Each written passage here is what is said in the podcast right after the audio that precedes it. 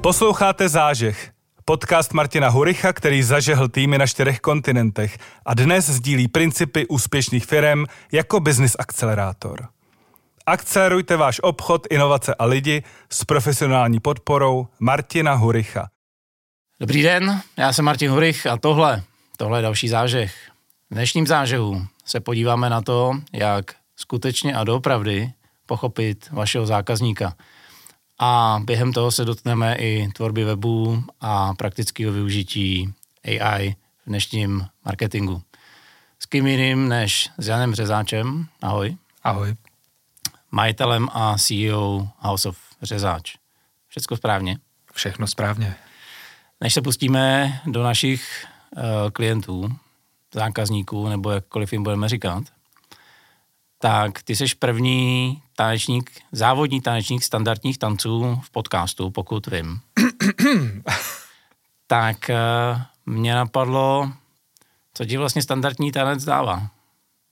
Mně standardní tanec dává nejvíc kontakt s mou ženou. OK. Neb spolu trénujeme dvakrát týdně už dlouho. A co si budeme, jo? Naše taneční kariéra začala ve chvíli, kdy taneční kariéry těch jako skutečných závodníků končí, hmm. Ale už je to taky nějakých 15 let a úspěšně se propracováváme, propracováváme skrz seniorní závodní tančení a je to velká legrace. Co je tvůj nejoblíbenější tanec? Slowfox, jednoznačně. Ten je mimochodem z těch standardních, nebo možná obecně z tanců nejtěžší. A je z nejrychlejších, jestli? Ne, ne, ne, ne, ne. Quickstep je, quickstep je rychlý, nebo valčík je rychlý. Teď jsem ukázal, že s mojí mámou jsem to usmlouval na taneční do Vánoc. A tahle ta kariéra mě minula. A, každopádně, když se teda vrátíme k tématu, já, už před natáčem jsem ti říkal, že já jsem tě začal vnímat ještě ve svém prvním životě díky knížce Web ostrý jako břitva. A když jsem se na tebe připravoval, tak jsem zjistil, že tvoje kariéra sahá ještě daleko, daleko před tuhle tu knížku. Pojď nám teda uh, nám, který jsme weby začali asi velmi pravděpodobně vnímat mnohem později, říct, jak jsi se dostal nejdřív k webům a potom vlastně k tomu, uh, co dneska v House of Řezáč děláte. Psal se rok 2002. Začátek roku 2002. A mě opustila má tehdejší přítelkyně. A kamarádi, kamarádi dělali ty weby. Tak jsem si řekl, hele, tak já budu taky dělat ty weby, když mám teďka spoustu volného času. No a mě to zůstalo a jim ne. Promiň, že do toho hnedka skočím, kdyby tě neopustila přítelkyně, dělal bys weby. Nevím. Život je taková jako hmm. schoda hmm. různých náhod, některé jsou šťastné, některé nešťastné a některé se posléze ukážou jako šťastné. Takže od 2002 no. se zabýváš weby a během těch let jsem pochopil, že vlastně to, jak se zabýváš weby, se jako dost dramaticky změnilo.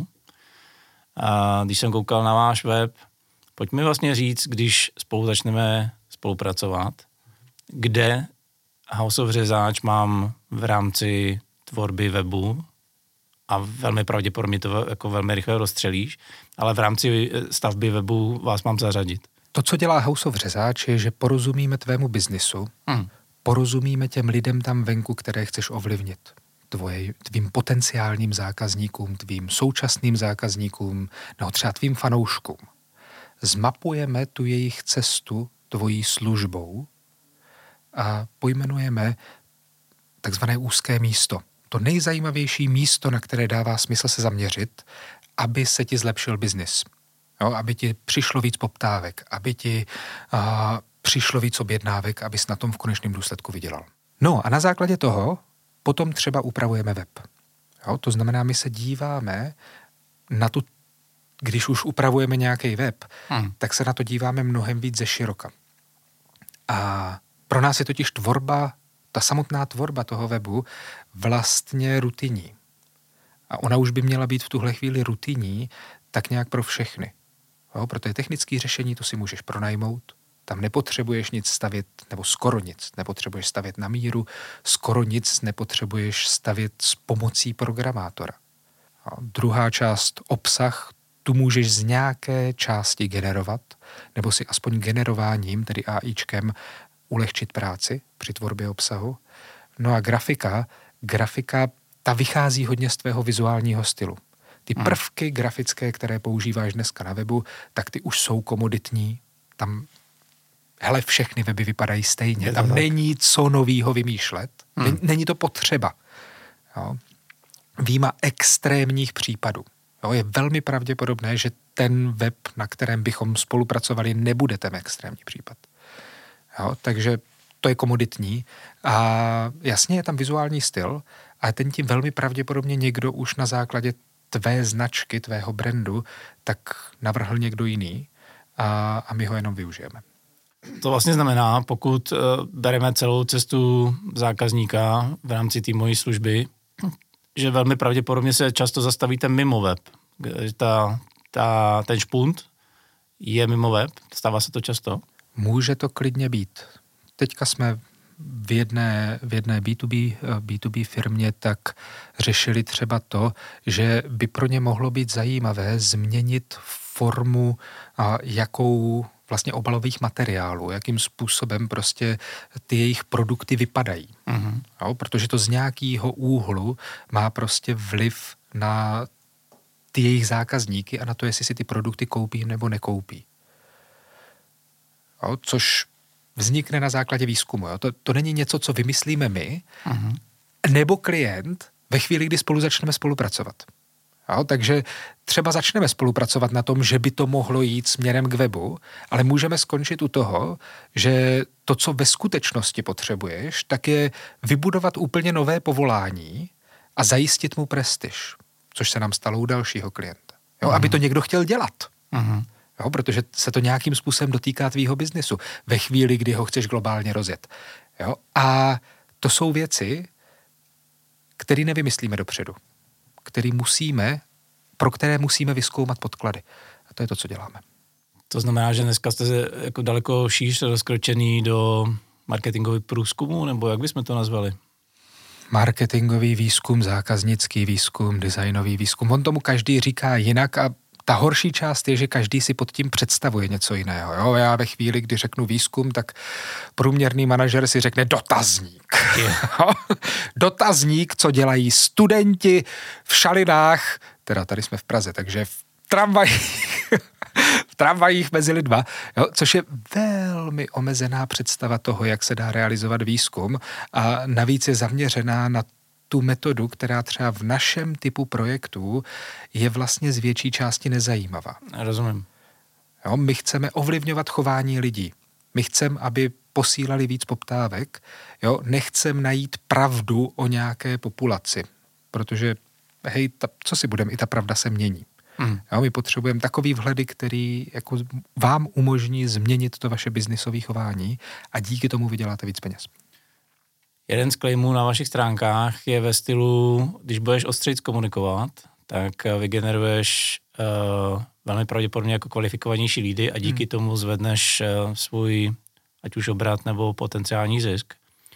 Znamená to, že v rámci své marketingové komunikace by většina webů měla být opravdu ostrá jako břitva, nebo no, nese se dneska nějaká kontroverze v komunikaci?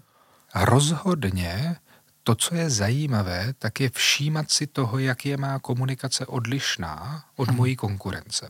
Jo, spousta oborů směje do, směřuje do bodu, kdy to jediné, co zbývá, je cenová válka. A to, co může zabránit cenové válce, je, že, a jedna z těch možností, těch možností je víc, je například to, že já mám silnou značku. A silná značka nevznikne tak, že já budu vypadat jako všichni ostatní, že já budu komunikovat jako všichni ostatní a že já třeba nebudu komunikovat vůbec, protože produkt, to je to jediné, na čem záleží a ti zákazníci ti si mě najdou sami. Ani prd. Ani prd. Jo? Takže ano, ostrá komunikace v nějakou chvíli může hrát významnou roli. A já samozřejmě nemůžu nikomu říct jako řešení dopředu, protože Rozumím. tyjo, neznám ani váš biznis, ani, ani vaše zákazníky, ani vaši konkurenci.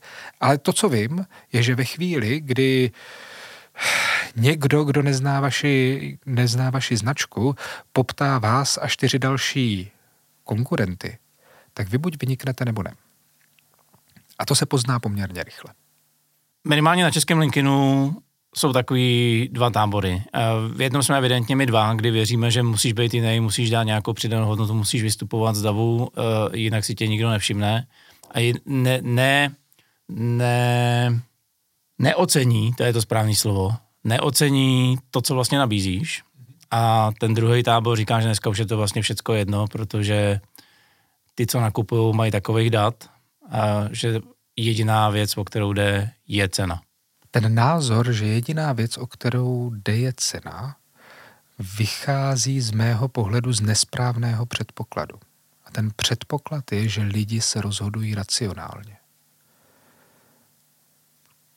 Nerozhodují. Kdyby se rozhodovali racionálně, tak všichni prostě kupují a teďka plácnu. Jo? Já nemám v tomhle přehled. A kdybych si kupoval auto, koupím si Hyundai, protože prostě Hyundai vychází nejlíp z poměru cena výkon. Mm-hmm. A to se neděje. To Rozhodně. se prostě neděje. Lidi si kupují Porsche, lidi si kupují Mercedes, lidi si kupují Bentley. Proč to pro boha dělají? Kdyby se rozhodovali racionálně, tak to přece nedává vůbec žádný smysl. Dneska všechny auta vypadají stejně. Jo, když se podíváš na 20 aut, hmm. všechny auta vypadají stejně, vepředu mají jiný logíčko a jasně je tam ten jiný feeling. Možná tam nebude jenom ta cena. Jo, a to je komodita, jo? To, auta jsou skoro komodita. Je to tak. Ten, no a pak přijde další argument, no jo, ale to mluvíš o B2C, a my jsme v B2B, tam je to úplně jinak. Přesně tak, protože tam nejsou lidi, tam jsou stroje jo, jo. a ty stroje se rozhodují ryze racionálně. A no v tom případě nedoporučuji pracovat v obchodu nebo v marketingu a nemít s tím nic společného. Třeba, já nevím, prodavačka, takový pěkný povolání, nebo co by, co by to ještě mohlo být. Um, drůbežárny.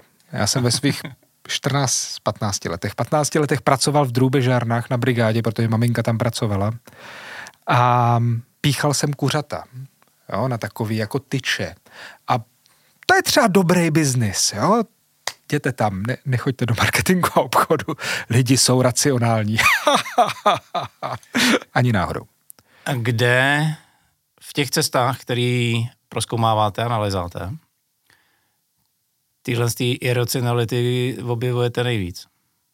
Kde, kde jsou ty momenty, na který si třeba dát pozor, kde v rámci té cesty zákazníka nejvíc zatlačit na ty moje uh, výhody, odlišnosti.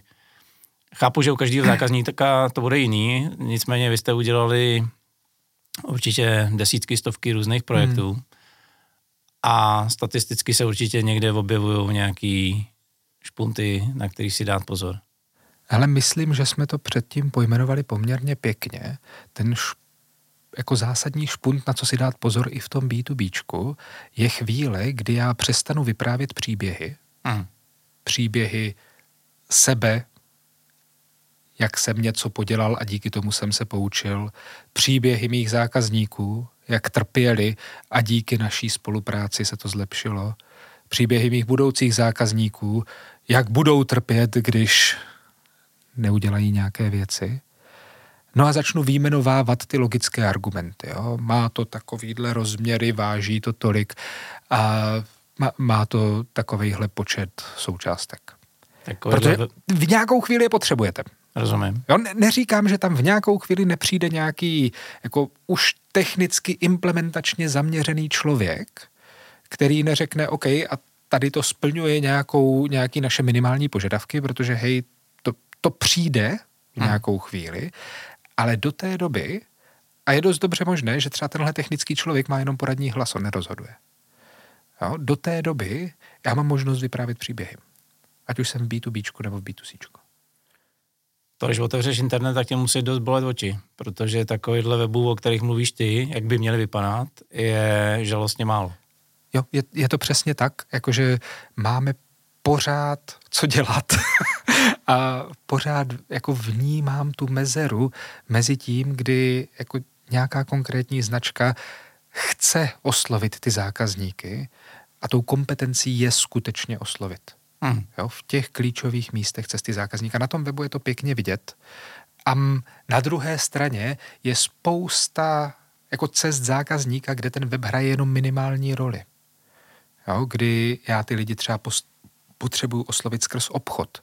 Já ty lidi potřebuju oslovit skrz úplně jiný kanály a na ten web se buď nedostanou vůbec, anebo, a, anebo jenom minimálně. Jo? A, a nemá smysl ztrácet čas s webem v tu danou chvíli. V tu danou chvíli. Má smysl řešit jiné části. Ty o podobných věcech, uh, jak jsi mi říkal před natáčením, píšeš na svém blogu od roku 2004. Já jsem nejstarší článek na to téma oficiálně dostupný, Google známý a umělou inteligencí přečtitelný našel v roce 2015. Takže to je evidentně téma, který s náma je dlouhou dobu. A jak se ta situace mění? Zlepšujeme se vůbec? Protože mě hrozně zaujalo tvoje heslo jak na webu, tak na LinkedInovém profilu. Dobře to dopadne? Dopadá to dobře? Dopadá to dobře. No, rok 2004, ono je to 20 let, jo, to je fakt jako drsný. A tehdy jsem rozhodně nepsal o cestě zákazníka, o tom, co je důležité pro to, abyste s tou cestou zákazníka správně pracovali. Protože tehdy byla moje představa o tom, jak vypadají weby, že web je hlavně potřeba naprogramovat. Mm-hmm. No, nic proti programování, akorát dneska už to fakt potřeba není. Jo, takže já jsem prošel programátořinu, prošel jsem kodéřinu, prošel jsem fázi, kdy jsem kreslil weby, pak už jsem je jenom navrhoval a teďka se koukám na cestu zákazníka. Jak se mění, a to je zpátky k té mý otázce, mm-hmm. jak se vlastně mění teda ta situace ohledně toho, jak, jak my jako obchodníci, marketéři, vůbec B2B trh chápeme ty svý zákazníky. Lepší se to, protože yep. zase, když se vrátím zpátky, vlastně každá druhá firma, na kterou kouknu, nebo na kterou se připravuju, nebo která ke mně přijde jako potenciální klient, mm-hmm. Martin, pojď nám pomoct udělat něco s obchodem, tak na webu mluví o tom, jaký my jsme skvělí, co prodáváme, jaký máme katalog, uh, kdy jsme vznikli, jo, co o tom říkal dědeček, když jsme vznikli, ale vůbec tam není nic o tom, co řeším pro tu druhou stranu. Ano. A ta vtipná část potom ještě nastává ve chvíli, kdy tu z druhou stranu poznají a zjistí, že komunikují, ale úplně jiné věci. Hmm. Jo, kdy třeba jejich zákazníci si na nich cení úplně jiných věcí, než oni si mysleli, že si na nich ty zákazníci cení. A, a potom dochází k prozření a dochází ke změně té komunikace, což je super. A všechno to záleží na tom, že se firma nebo organizace snaží porozumět svému zákazníkovi. Aspoň trochu rozumně, aspoň trochu metodicky správně. Ve chvíli, kdy k nám přichází poptávky, tak běžný stav je ten, protože my se na to ptáme, že jo? zeptáme se na, na to, jestli dělali v poslední době nějaký výzkum mezi svými zákazníky. A odpověď je ne. Hmm. V tenhle moment, když já se ptám, tak říkají, nebo jak víte, co po vás chtějí, myslím si, že... A to je vlastně základ toho celého. A to je v pořádku, dokud mi to funguje. Jasně. A je dost dobře možný, že třeba v těch devadesátkách to fungovalo. Uh-huh. Jo, protože ten trh byl hladový a teďka prostě Jasně. šel po těch produktech jo, jo. a službách. A teď už je to o něco horší, protože přichází levné věci z Číny, přichází drahé věci z Číny, jo, i nějaký jiný věci z Číny. A ve spoustě míst se ten trh konzoliduje a už je vlastně mnohem těžší vyniknout. Už je mnohem těžší přitáhnout ty správné zákazníky, se kterými je vlastně zajímavý spolupracovat. Protože hmm. ne s každým zákazníkem je pro každou firmu zajímavý spolupracovat. Ať už ve službách nebo v produktech. Jo? Některé ty kontrakty jsou přejednávány a, a vlastně některé, některé firmy se dostávají do záklonu. Jo? A zjišťují, že vlastně nemají takovou sílu, jakou si mysleli a jakou měli dřív. A v tu chvíli jedna z těch cest, co já s tím můžu dělat, je vrátit se zpátky k tomu základu. Vrátit se k tomu, že porozumím svýmu zákazníkovi a na základě toho potom jednám. Jo, což se nestane ze zasedačky. Jo, což se nestane tím, že já si sednu se svými kolegy a neřekneme si tak Pepo, co si ty myslíš o těch našich zákaznících? A on řekne, ale Franta. Je to takhle. Franta je to takhle. A, a já to vezmu jako bernou minci. Já to můžu vzít, a, a je to důležitý, jo? Já, já to můžu vzít jako podklad pro další zkoumání. Hmm. Protože Pepa ačkoliv je obchodník a samozřejmě se stýká se zákazníky a vlastně je zná, tak je možné, že se jich třeba na nějaký oblasti nezeptal. A nebo se jich zeptal blbě. Jo? Typická otázka, proč jste si nás vybrali? Nebo proč jste si nás nevybrali? To je otázka, co fakt nechcete položit. Uh-huh. Protože začíná na proč. A to útočí na tu integritu toho člověka. My jako lidi, pokud teda přijmete tu tezi, že se nerozhodujeme racionálně, tak vlastně nevíme, proč jsme se v nějakou chvíli rozhodli tak, jak jsme se rozhodli. Takže já, když se zeptám proč, tak já toho člověka nutím, aby mi lhal. Jo, takže udělali jsme výzkum, zeptali jsme se 20 lidí, proč si nás teda vybrali. No a co si budeme, jo? Nenahrávali jsme si to, nezapsali jsme si to, nezanalizovali jsme data, ale máme pocit, že by to mohlo být tohle, tak to je od začátku odsouzených zániků. Hmm. Na druhou stranu, my se setkáváme se situací, kdy ani tohle se neděje, takže v tomhle je to vlastně dobrý, protože by to byl ztracený čas. Pro ty, kteří se rozhodli jít tou správnou cestou, tohle, to, co všechno popisuješ, uh, to není otázka týdnů, to je otázka, bych si typnul několika minimálně měsíců, že jo? protože uh, o situaci, kdy vlastně o tobě začnu uvažovat, tak ta moje bublina by k tomu přišla v momentě, kdy mají opravdu skutečný hmm. problém. To je pozdě. Tak. A teď si mám teda naplánovat co? A chápu, že to je pozdě, chápu, že jsem teda v pytli.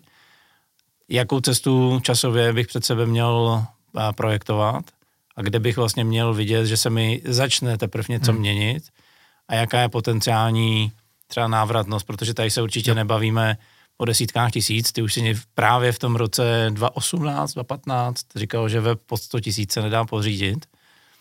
Dneska teda uh, bych to tak typnul 300-400 tisíc minimum. Pokud se teda nebavíme o, řekněme, pronajatým technickým řešení a nějakých jo. šablonách? Tam je několik témat. První téma je, kdybych měl do tohohle začít investovat. Jo? Kdybych měl začít poznávat líp ty svoje zákazníky a mapovat hmm. tu cestu toho zákazníka. A tam je jednoznačná odpověď. A to je, když se mi daří. Okay. Protože ve chvíli, kdy se mi daří, tak se nepotřebuju vytáhnout z toho bahna, do kterého jsem se dostal, mm. rychle, protože hej, Rozumím. tam jde o rychlost, tam jde o cash flow, tam jde o to, Jasně. abych přežil. Jo? Tudíž do rozvoje má smysl a do strategie má smysl investovat ve chvíli, kdy se mi daří. Jo? Pak už je pozdě. A já, že jo, my jsme v kultuře, která si cení lidí, kteří hasí problémy. Jo. Jo, a naš, v tom je nepopulární na, náš přístup. Jo? My jsme vlastně preventivní aktivita. Jo, protože když teďka zainvestuješ nějaký peníze, tak v budoucnu nebudeš mít ty problémy. Akorát tě nikdo neocení. Jo? Takže tohle je zajímavé jenom prostě pro majitele firem, pro uvědomělý manažery, hmm. jo? kteří ne, netouží hasit za každou cenu. A to je těžká pozice, že jo? Tahle kultura si cení hasičů, i když jsou to oni, kteří nechali rozhořet ten požár. Rozumím. A potom ještě přiložili tu finální láhev toho benzínu. Jo? Je to mazec v tomhle. A my jsme v té preventivní oblasti. Takže z tohohle pohledu je to těžký. Kolik to stojí? Záleží, co budeme dělat. Jo? Naše vlastně jako běž, náš běžný projekt se pohybuje okolo milionu korun a výš. Jo, to je náš běžný projekt, v rámci kterého porozumíme tvýmu biznesu, porozumíme těm zákazníkům, zmapujeme cestu zákazníka, určíme strategii a pak s tím jdeme něco dělat například na ten web. Uh-huh. Jo, když se bavíme jenom o té samotné tvorbě toho webu, tak to je zlomek. To je zlomek, rozumím, protože no? to vlastně není zajímavý. Jo, tam pronajatý řešení je super. To, tam pro spoustu webů je tohle jako způsob, jak nejenom ten web jako relativně rychle uchopit, ale hlavně je to způsob, jak ho dlouhodobě rozvíjet. Uh-huh. Jo, není nic horšího, než ve chvíli, kdy máš postavený řešení na míru a potřebuješ programátora, kodéra, grafika, copywritera, projektového manažera a sjednat si schůzku na tři měsíce dopředu, protože všichni jsou vytížení. Kvůli jednomu článku na blog. Kvůli jednomu článku na blog, nebo hmm. kvůli blbý změně baneru na titulní jo, straně. Jo. Hmm. Jo, já nevím, jestli jsi to někdy zažil, já jsem to zažil. Je to strašný. Je to Já, fakt hrozný. Je, je humorná vsuvka. Teď se tady eh, divákům a posluchačům k čemu přiznám. Já momentálně uvažuji o vlastní uh, novým uh, webu 2.0. Všichni mě přesvědčují, že potřebuju kódovaných řešení. Já jim říkám, nechci a všichni mi říkají, budeš, budeš uh, navždycky zamčený s tím dodavatelem. A já říkám, tak mám si vybrat, jestli budu zamčený v Americe s milionem lidí, nebo v Izraeli s druhým milionem lidí, anebo s váma třema. Jo? Odpověď většinou nedostávám, ale rozumím, co říkáš. Ano, vendor lock, tedy to, že já jsem závislý na někom, ten je vždycky. Je to tak? Jde a... Pokud si to nebudu psát sám, což nebudu. Což nebudeš. No, hele, moje žena u toho nakonec skončila. Jo? Okay. Ona se uh, ve své uh, praxi rozhodla, že prostě v rámci toho, co dělá, co dělá v neziskovce, kterou, kterou řídí, takže se radši naučí kódovat uh-huh. a radši si ten Drupal udělá sama, než aby se trápila s těmi lidmi, kteří jí ho dodávali. Yeah. A bolelo to, bylo to na roky a ano, teďka to fakt takhle dělá, akorát to není řešení pro normální to lidi. Není, no. mm. jo? Zapomněli jsme, Jane, ještě, kolik se vlastně na to má vyhradit času? Typicky ten základ, základ jsou 4-6 měsíců a pak samozřejmě následuje ta fáze, kdy ověřujeme, co funguje, na základě toho, těch informací, které máme, tak zjišťujeme, co bude skutečně fungovat, získáváme zpětnou vazbu z trhu, získáváme data a postupně ladíme ten směr, kterým rozvíjíme tu cestu zákazníka. Hmm.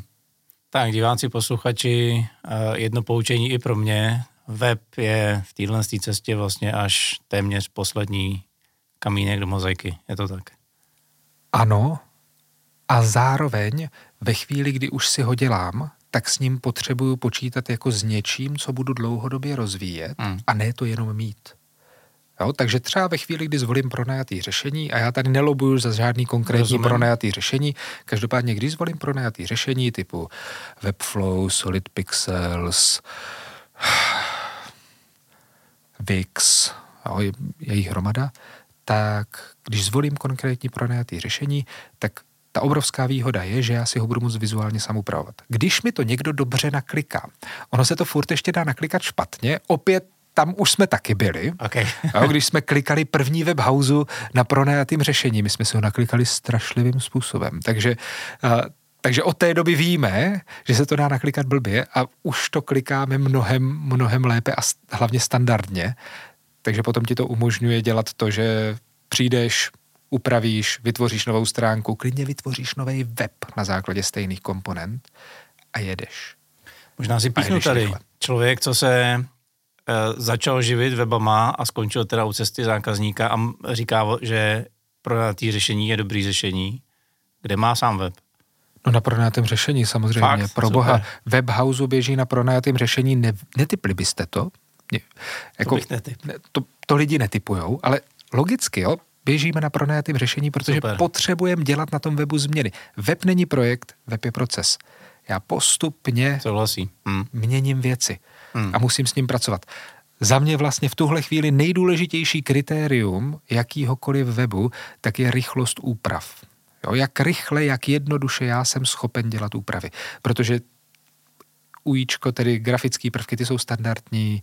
Jo, obsah, ten si když tak změním, když zjistím, že to nebude fungovat, nebo si vygeneruju novej.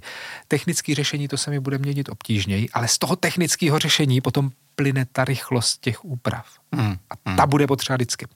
Tohle bych využil jako ostý můstek eh, k dalšímu tématu.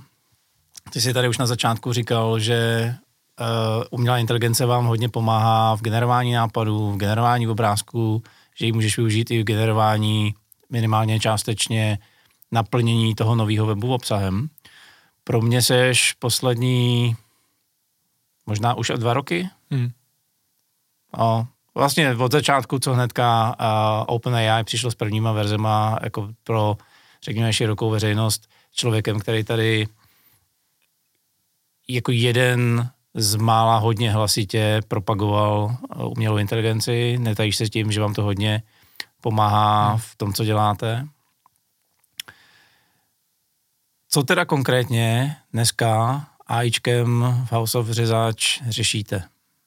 Možná pro jako inspiraci pro nás ostatní. Myslím, že ta poslední nejviditelnější věc, kterou jsme, kterou jsme teďka udělali, tak bylo, že jsem si nechal od kolegyně vygenerovat avatara skrz službu, která se jmenuje Heygen. Mm. A v tuhle chvíli generujeme videa. Takže když vidíte moje video na LinkedInu, když mě budete sledovat na LinkedInu, tak to velmi pravděpodobně bude avatar. A avatar znamená, že my jsme natočili pět minut videa s dobrým klopákem, takže ten, ten zvuk byl jako rozumný. Nahráli jsme to do toho systému a od té doby ty videa generujeme z textu. Takže napíšem text, ať už ho napíšu já nebo kolegyně, no a najednou o něm mluví řezáč. A vypadá to v tuhle chvíli, a to jsme vlastně relativně na začátku, jo, tak už v tuhle chvíli to vypadá jako velmi uvěřitelně. a ve chvíli, kdy se na to člověk nesoustředí, tak vlastně nepozná, že tohle neřekl řezáč. A tohle má jako, to, to bude mít ještě obrovský, obrovský dopady do celé společnosti. Konec konců letos má hlasovat nějakých 4 miliardy lidí ve volbách, takže to bude drsný. Jakože fakt to bude drsný. Ale když pominu ty společenské dopady, tak nám to samozřejmě velmi zjednodušuje tvorbu obsahu. A v tuhle chvíli tvorbu video obsahu. Takže teď třeba připravujeme a, náš web, nebo já se mentálně připravuju na to, že na náš web na každou stránku vygenerujeme nějaké video, protože je to vlastně rychlý. Uh-huh. Jo, není, není tam to, že si musím pořídit ten ateliér a teďka si tam sednout a vymyslet všechno dopředu a něco zkoušet. Jo, je to o tom, že prostě přijdu, sednu, no a když se mi to nebude líbit, tak si ten text přepíšu a jedeme dál. Ty jsi v přípravě uváděl vlastně potom další konsekvence. A dokonce tam uvádíš, a uvedu to na našich příkladech, a což taky evidentně byl tvůj záměr, děláme podcast. Mm-hmm ty máš kreativní práci, uh, teoreticky tady za pár let nemusíme být. Teoreticky ne, no. Protože Jak... říká, že umělá inteligence bude dělat s umělou inteligencí vlastní podcasty. To už se děje. To už se děje, kdy na obou stranách stolu sedí umělá inteligence. Jedna předstírá, že je, já nevím, George Bush a druhá předstírá, že je známý moderátor a spovídají se. Jakože tohle už je koncept, který existuje, už existuje nějakou dobu. A já když jsem to poprvé viděl, tak jsem si říkal, ty vole, to není možný tohleto. Jo, takže, takže tohle už se děje. A je otázka, a to je fakt otázka, jo, kdy si někdo řekne, Ok, naše organizace by potřebovala podcast v oblasti pletení palčáků a začne připravovat podcast v oblasti pletení palčáků, třeba s lidmi napříč světem. No a OK, bude, bude jim volat AIčko, budou to normální třeba online hovory hmm. a potom vezmou ten jejich hlas, vyčistí ho, případně ho přegenerujou na základě toho, co, co vypadne z textu, trochu to zkrátí, trochu to semelou a vypadne podcast. Hmm. A bude to celý automatizovaný jak si v tom, protože většina lidí z té mojí bubliny, hmm. pokud za sebou nemají fabriku, tak se vlastně živí hlavou. Ano, já taky. Nechci říct úplně, jak se tomu máme bránit, protože to je hloupost, tomu se bránit nedá. Spíš, jak se na to máme připravit, nebo co s tím, co s tím máme dělat, aby jsme, jak jsme se tady trochu trpně smáli tomu, nemuseli za 4-5 let hledat my dva manuální práci. Já myslím, že ta kombinace toho fyzického prostoru hmm. a toho, no, že něco dělám rukama, tak je vlastně nejbezpečnější v tuhle chvíli. Ono je vlastně, že to spousta lidí předpokládala, že umělá inteligence bude nahrazovat dělníky, že bude nahrazovat je, servírky, že bude nahrazovat tyhle jako sestřičky, jo? povolání, které jsou placený relativně málo, a zároveň a jsou v tom fyzickém prostoru, jsou v tom fyzickém prostředí. No a to, co se teďka děje, nebo vypadá to, že tímhle směrem jdeme, že jo? ono ještě se nic neděje, ono to jenom vypadá, že tímhle směrem jdeme, že naopak umělá inteligence bude nahrazovat povolání, která jsou relativně dobře placená, jo, která berou tisíce korun nebo dolarů na hodinu, jo, a která pracují hlavou. Jo, typicky právník, CEO nebo jakýkoliv jiný manažer. Jo, nebo finanční poradce. Jo, lidi, kteří berou spoustu peněz, ale jenom přemýšlejí. Jenom přemýšlejí. Jo, a ta potíž je v tom, a co si budeme, jo? Průměrný CEO, průměrný manažer, průměrný právník, oni zas tak moc nepřemýšlejí. Já jsem to právě chtěl říct, že to, co jsi vyjmenoval, vlastně, když nad tím přemýšlím teďka takhle zvoleje, jsou mnohdy profese, které bez urážky uh, překládají před, překládají a předkládají informace, které jsou veřejně dostupné všem, do lidského jazyka normálním lidem, nám. Nicméně tam dost chybí za mě kreativita. Spoustakrát je to takhle, je to psaný, takhle se tomu musíme přizpůsobit, nebo takhle se to standardně hmm. dělá. Uh, není ta cesta, že my budeme kreativnější a potom AI bude vlastně jakože ten inteligentní psací stroj, který nám pomůže to zhmotnit. Bo psací stroj, protože hmm. se momentálně bavíme teda o jazykových modelech, ale do budoucna ať už je to cokoliv. Jasně. Dvě věci. Jo. Jedna, hele, veškerý respekt ředitelům a Jasně. právníkům a dalším lidem, co se živí hlavou a dělají to dobře.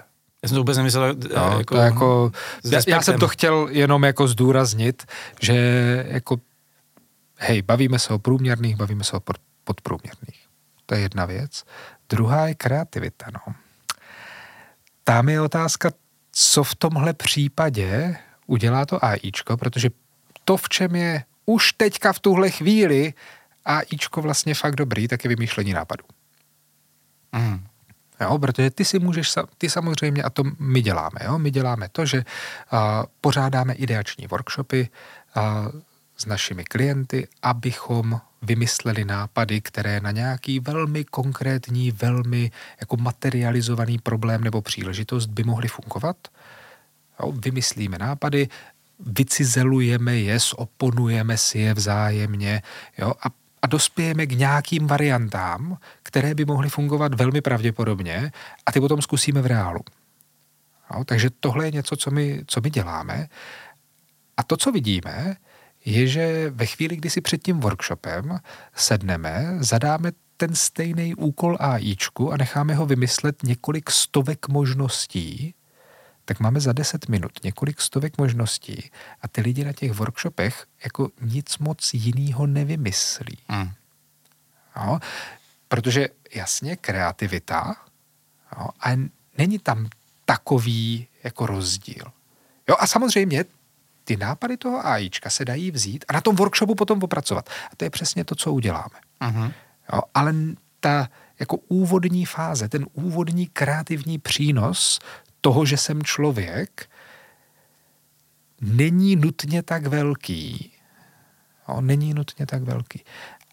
A jasně, když si prostě vyhradíte nějaký desítky hodin na to, aby vás nikdo nerušil a, a necháte na sebe jenom působit ten problém, tak dojdete ještě k zajímavějším řešením. Mm. Ale to neznamená, že na začátku si to nemůžu ulehčit nebo se nějakým způsobem prostě jako uh, rozcvičit skrz AIčko. To určitě jo. Eh, tam, kam jsem mířil já, je, dlouho se říkalo, že člověk ještě před AIčkem, když jsem pracoval v korporátu, tak nám říkali, že bychom měli být uh, takzvaně T-shaped. Jedna hluboká znalost, uh, obecný biznisový přehled, pak se přišlo na P-shaped, kde už museli být dvě specializace a pořád nějaký eh, obecný biznisový přesah. Pak už se ty vlastně eh, specializace začaly množit, takže dneska už se údajně mluví o X-shape, což znamená velký přesah a dole hromada specializací. Nicméně tam, kam jsem mířil, je uh, buď jak se zeptat, anebo jestli už AI dneska umí to, protože určitě s tím máš větší zkušenosti jak já, přinést do marketingu třeba Jasně. napady z jiných oblastí lidského života, protože to, co uvidíš u normálních lidí, to, co dělá geniální lidi geniálníma, je schopnost hmm. přinést jinou myšlenku vody na a implementovat ji úplně někde jinde. Je tohle to schopný už dneska dělat uh, AIčko? Určitě. Je Jak? to schopný dělat a obzvlášť ve chvíli, kdy ho necháte roleplay, jo? necháte ho hrát někoho jiného, aby Aha. se zamýšlel, jo? necháte ho hrát uh, japonskýho prostě, já nevím koho, japonskýho manažera ve výrobě a budete se ho ptát na nějaké věci. Není už tohle ale tvoje kreativita, že ty jsi schopný vlastně si uvědomit, že tam je to jinak a zeptat se ho, jak by to tam bylo. Víš, že si vlastně jako zkrátíš cestu. Jasně.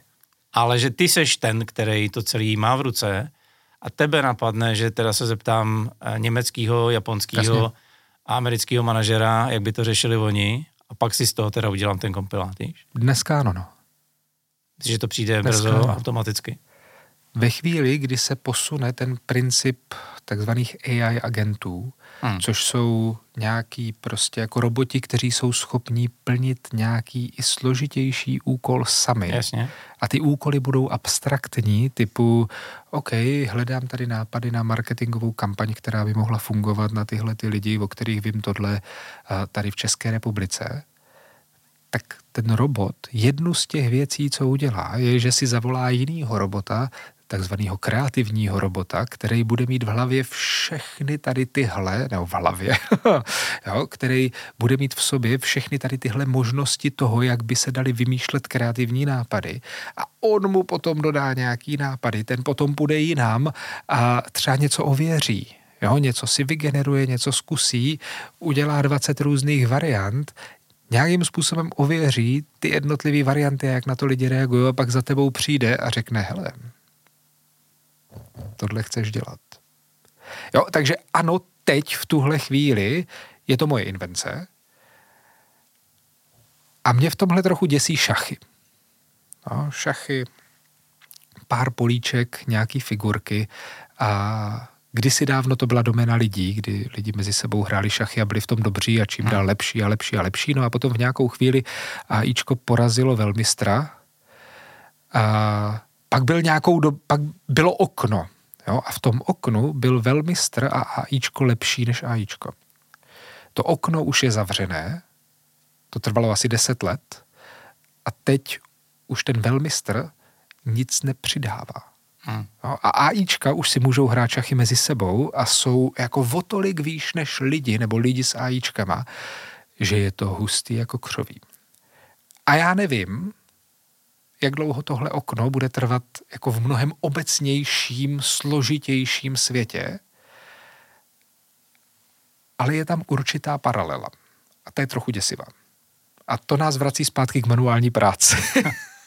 jo, já nevím, co doporučit třeba vašim dětem, jo, aby dělali. Jo, je to práce hlavou, je to univerzita, jo, anebo aspoň něco, kde prostě třeba řežu do lidí, nebo když už neřežu do lidí, tak dělám elektřinu, něco fyzického prostě, ale nesedím za počítačem. To je mazec. Ještě nám se říkalo, že tvoje budoucnost bude jako ajťák.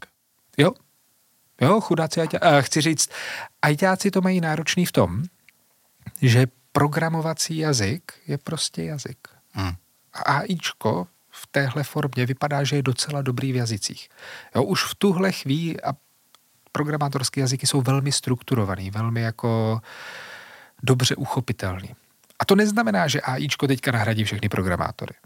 Jo, to znamená, že teďka jsme ve stavu, kdy prostě třeba polovinu veškerého kódu na, svět, na světě, který vzniká, tak tvoří AIčko. Už ho generuje. Jo, a není to všechno, je, je to polovina. Hmm.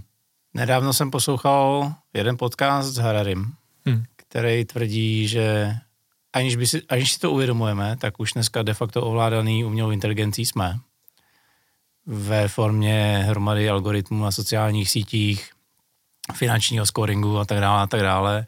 Jsou země na světě uh, východně od nás, kde to dotáhli mnohem dál, kde ten scoring už je i na mhm. jednotlivé hmm. osoby.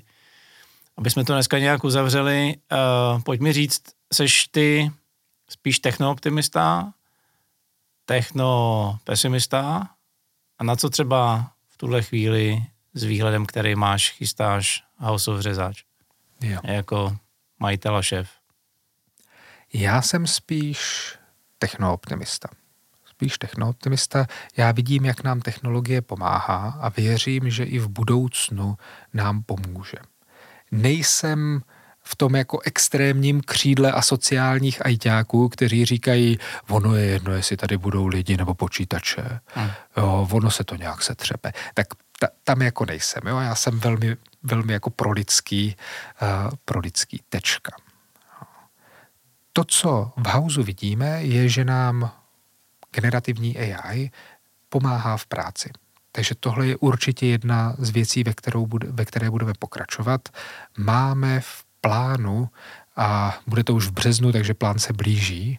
Vlastně nevím, kdy vyjde tenhle podcast. A plán Tě, se, těsně před plánem. Těsně před plánem. Tak to, co už dávno víte, a je, že děláme něco, co mu teďka pracovně říkáme AI univerzita, a kde pomáháme marketérům, manažerům, lidem, konec konců i designérům zorientovat se v těch nástrojích, které jsou dneska k dispozici a v jejich používání. O, nebude to jenom o promptování, o zadávání pokynů do AI, bude to o vybudování si svého vlastního a jednak technologického, stek blbý slovo, a technolo- Port, technologického portfolia, to je pěkný, děkuji, technologického portfolia a samozřejmě, jak do toho dostat ty lidi. Jo, protože není to o tom, že já mám nějakou infrastrukturu, kterou jsem si nakoupil, je to o tom, že se mění postupně to, jak ty lidi přistupují ke své vlastní práci. Jo, takže to je určitě jedna cesta, jedna oblast. Druhá věc, kterou, do které teďka tlačíme hodně, tak je vzdělávání. Protože my samozřejmě víme, že ne všichni mají ten milion, aby si nás mohli dovolit, mm. nebo několik milionů, aby si nás mohli dovolit. Tudíž to, co děláme, je, že máme trénink strategické myšlení a strategický design, kdy strategické myšlení tak se zabývá tím, jak dlouhodobě prosperovat v tomhle světě, i když se děje spousta technologických změn. Takže na té strategické úrovni. No a strategický design je o té exekuci o tom, jak teda ty složitý problémy, které já jsem si našel, vyřešit a jakým způsobem k ním přistoupit, protože já nevím, budu do toho muset zapojit nějaký další lidi, takže budu muset odfacilitovat nějakou skupinovou práci. Budu muset porozumět těm lidem tam venku o něco víc než dnes, jo, takže budu muset udělat nějaký výzkum. Jo. Budu muset vymyslet hromadu nápadů na ten relevantní problém, který jsem si našel. Jo, budu muset ty svoje nápady ověřovat. A to jsou všechno jako důležité dovednosti, které vnímáme, že by každá moderní organizace měla mít. To znamená strategický design ne ve smyslu čistě marketingu, ale strategické řešení jakýhokoliv problému ve firmě?